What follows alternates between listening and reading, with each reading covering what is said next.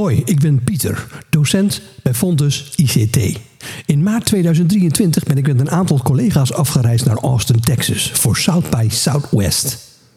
South by Southwest is een festival dat sinds 1987 jaarlijks in de lente wordt gehouden in Austin, Texas in de Verenigde Staten. Het festival draait om muziekoptredens, film, interactieve media, tentoonstellingen en educatieve bijeenkomsten. En in deze podcast neem ik je mee op ons avontuur. Heel veel plezier.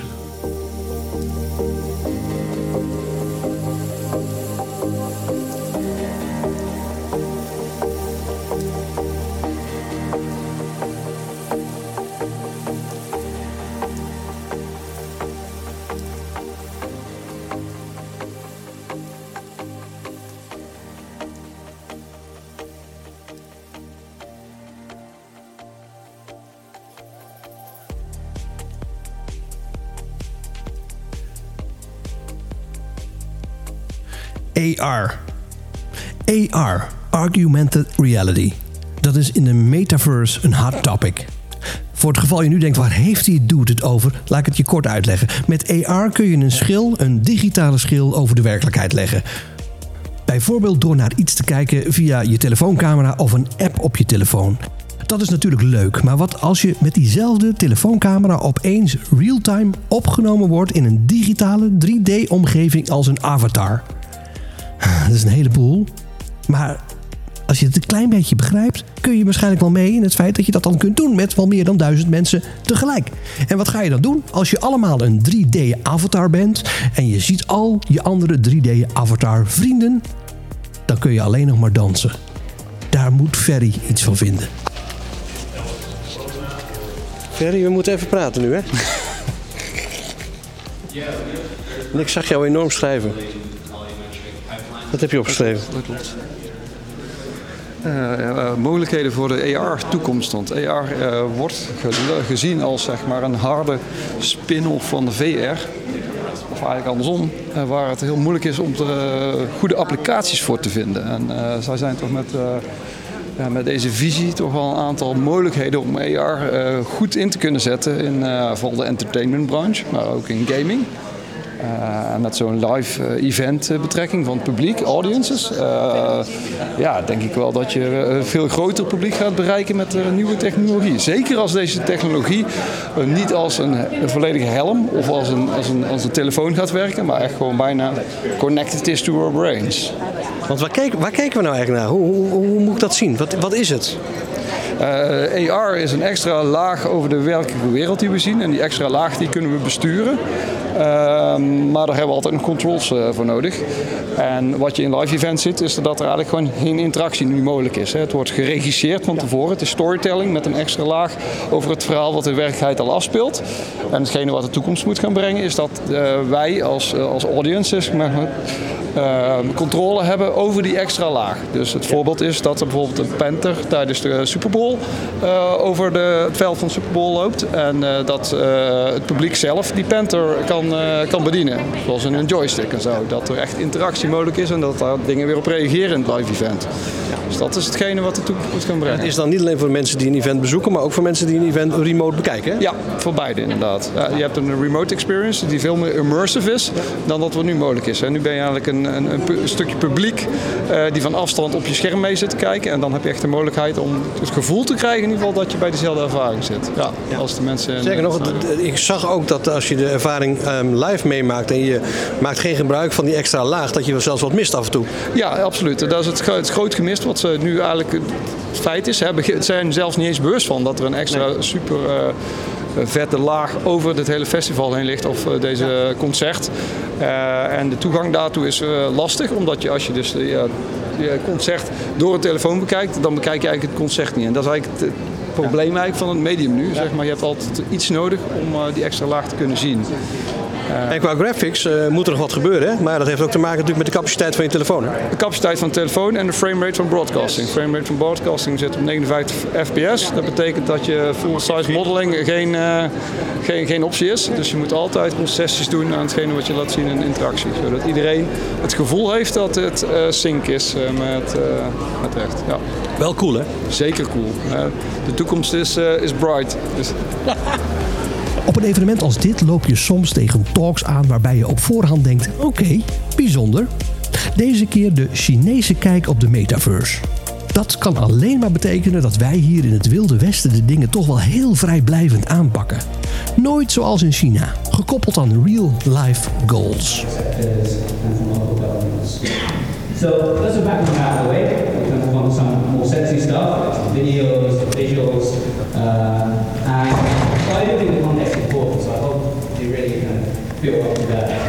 guys. Um, so next, metaverse. Shout out to our designer, she's absolutely amazing. You should see the depth. Koen begint nu toch wel echt op stoom te komen. Hij had me al gewaarschuwd. Als je ondergedompeld bent in een event als dit, denk je meteen dat alles helemaal anders moet. Back home. Koen, daar gaan we. Je had, al- je had allerlei brainwaves op basis van de dingen die we zojuist hebben gezien over de metaverse en onze opleiding. Ja, we zijn ondergedompeld in de bullshit bingo van, ehm, eh, van de blockchain, de NFT's en de metaverse en de web, eh, web 3 ontwikkelingen. En ehm, we lopen gigantisch achter ten opzichte van China, maar ook ten opzichte van bijvoorbeeld Amerika. En als wij kijken als organisatie waar we naartoe moeten gaan, dan moeten wij ook gaan omarmen wat wij met Web3 technieken kunnen om studenteninstroom, studentenbinding, eh, nascholing, alumnibeleid, noem de hele rambam maar op. Om te gaan bekijken hoe we daar eh, gebruik van gaan maken van dit soort, dit soort ontwikkelingen.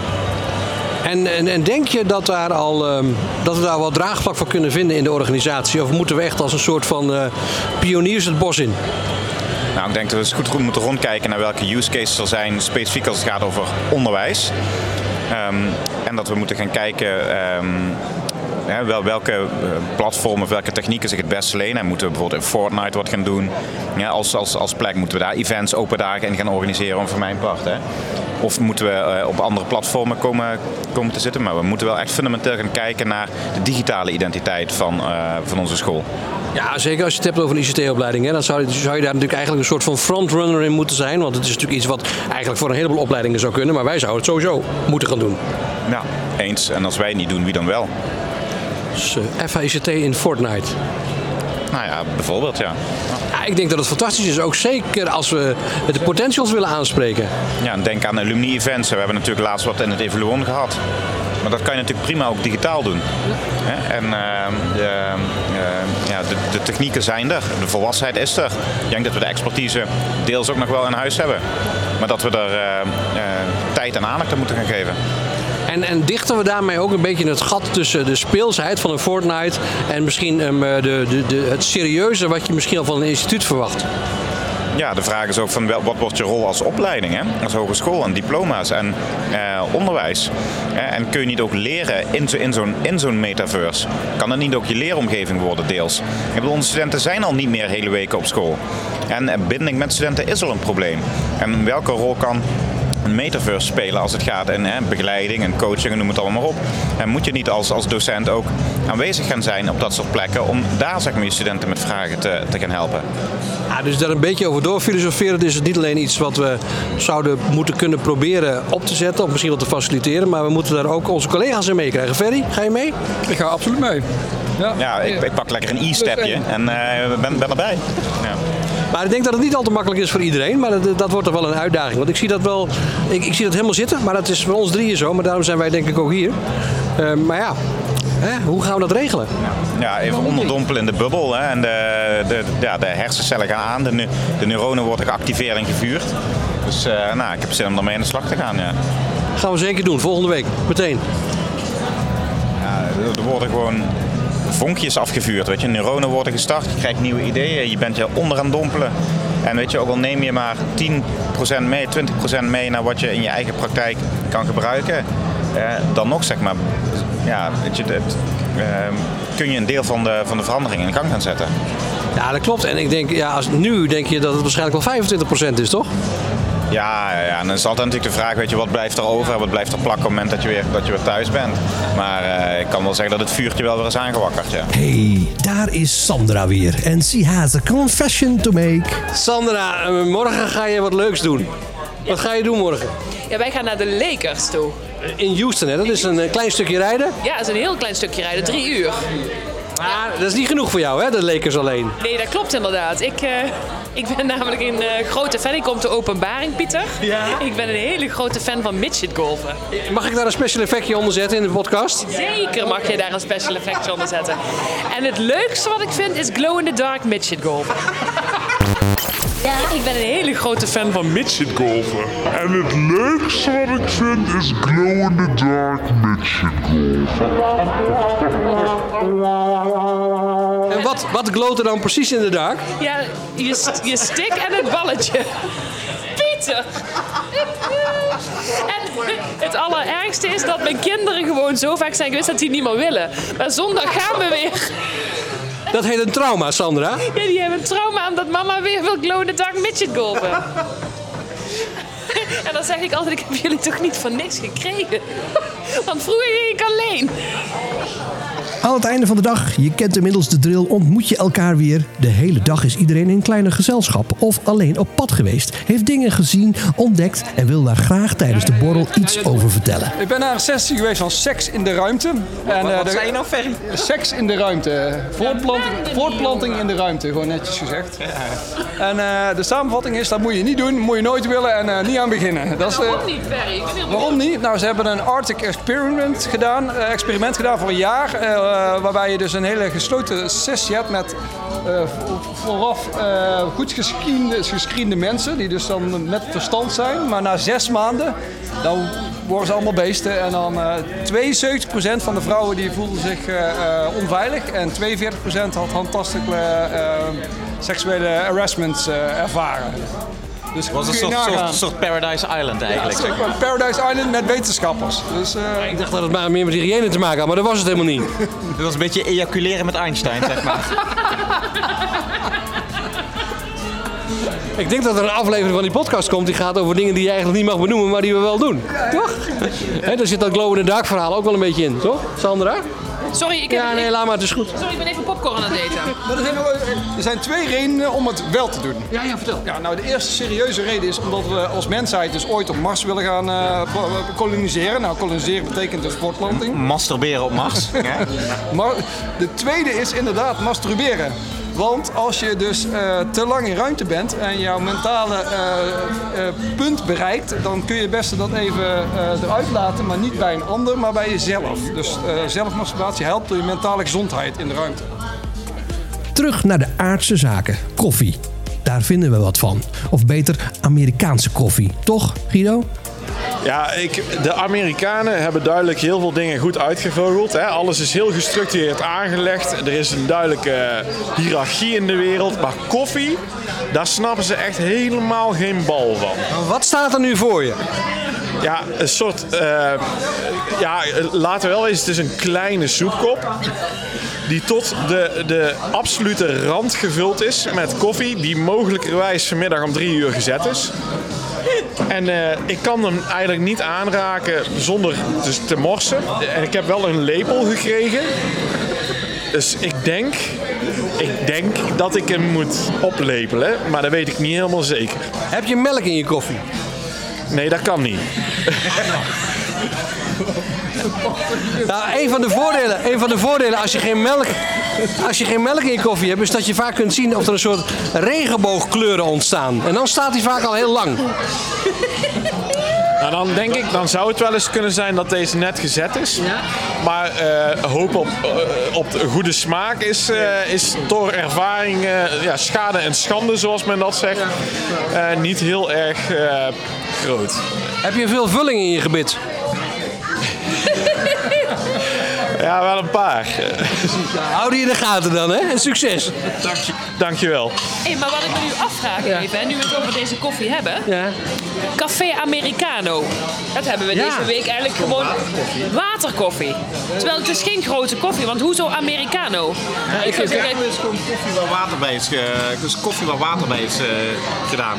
Aangelengde koffie eigenlijk. mensen niet, jong. Er staat gewoon geen koffie Italiano, dat kennen ze niet. Dus ja, wat, Bestaat er niet. nee, wat is dan goede koffie hier? Zag ik jou nou een slokje nemen? Met een lepel? Ja, met een lepel. Ja, ja het is, eh, deze is in ieder geval eh, wel net gezet, denk ik. En hij is een beetje waterig, maar eh, ik heb erger gehad. Wel dubieus dat hij uit een thermoskan kwam. ja, daarom dacht ik, die staat er al even.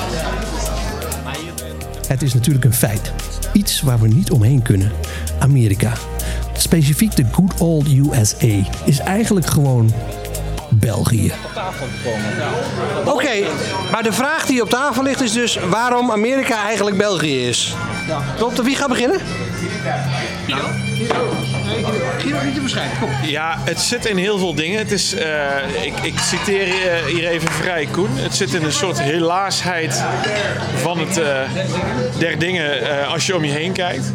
En ook een beetje in, in hoe soms dingen aangevlogen worden. Eh, ik kom zojuist eh, van het herentoilet terug. Daar is een eh, ruimte waarin jij met gemak drie urinoirs en twee toiletten kunt plaatsen. Op de ene manier is er één toilet en een ongemakkelijk geplaatst urinoir. En dat toilet heeft een totale oppervlakte van 9 vierkante meter. Waar één toiletpot in zit. En je vraagt je gewoon af, wie bedenkt dit? En, en ja, er is één plek waar je dat ook tegenkomt. Dat is België. Ja, de vraag is, is er leven op Pluto of ga je liever naar België? Iemand nog iets toe te voegen aan deze theorie? Nou, ja, de, ongelijke straten, zeg maar. eh, De kwaliteit van straten af en toe is eh, toch echt wel... Ja, vooral s'avonds, ja. Of, of met een step, weet je wel. Dan denk je van, het is een mooie gladde straat. Oh, Dat je denkt, eh, zijn het roadworks of is het een zandput of is het gewoon een slecht wegdek? Oh ja. Maar, maar is het überhaupt nog aan te raden om naar Zuid bij Zuidwest te komen dan voor onze collega's? Zeker doen. Ja, dan wel. Zeker. Oké. Geweldig eh, event met een totaal, eh, ja, totaalpakket eigenlijk. Nou, nou dat Bier, wijn, chocola, Bananentoetjes. bananen- minigolf. minigolf, Met een, hoppakee, Temperatuur. aardbeienblik. En wat ik dan ook zo mooi vind, dan, hebben we het, dan zit je in, in van die conferentieruimtes waar, eh, die, die gewoon echt eh, een, een bepaalde verval laten zien van over de hill. En daar hebben we het over de meest cutting edge technologie die eraan komt. En de laatste ontwikkelingen in een bepaalde omgeving van das waar eenmaal. ja, precies. een Rocket science in de prehistorie, zeg maar, ongeveer. Ja, ja er zit wel een contrast. eh, ja, is absoluut. Oké, nog iemand? Ja, nou ja, en, nog een parallel vind ik hier wel de hoeveelheid blinde muren. Aan de ene kant hebben ze heel veel glas en dan kijk je naar de skyscrapers en zo hier. En dan draai je zeg maar om en dan zie je gewoon een hele hoop blinde muren. En dan denk ik, ja, dat is gewoon België. Het functioneel gebruik van ruimte. eh, eh, ja, dat is, Ja, dat is echt- genoeg, hè, ruimte. Ja, ja, ruimte is genoeg, dus dat hoeft ook niet functioneel gebruikt te worden. Dus als je in een hotel rondloopt en je kunt er gewoon een balzaan in een balzaan eh, zien, dan, ja, dan, eh, Dan doen we dat gewoon. ja, dan doen we dat gewoon. Omdat het kan. Hè. De- Denk groter is het. Ja, dat is misschien wat minder België, Maar maar... dat is goed, daar Fontes van dat logo af, eh, dat slogan af is. Ja, dat is Denk goed. groter, dat past beter bij Texas dan bij Fontes. Nou, en in de categorie, dit is ook België. Het is hier eigenlijk gewoon tweetalig, ja, Spaans en Engels. Dus ja, nou, dat is natuurlijk ook, ook parallel met België. Dus eh, Dus het wordt de volgende keer Zuid bij Zuid-België. ja, Zuid bij Zuid-Wallonië denk ik dan. Zout bij zout, visé.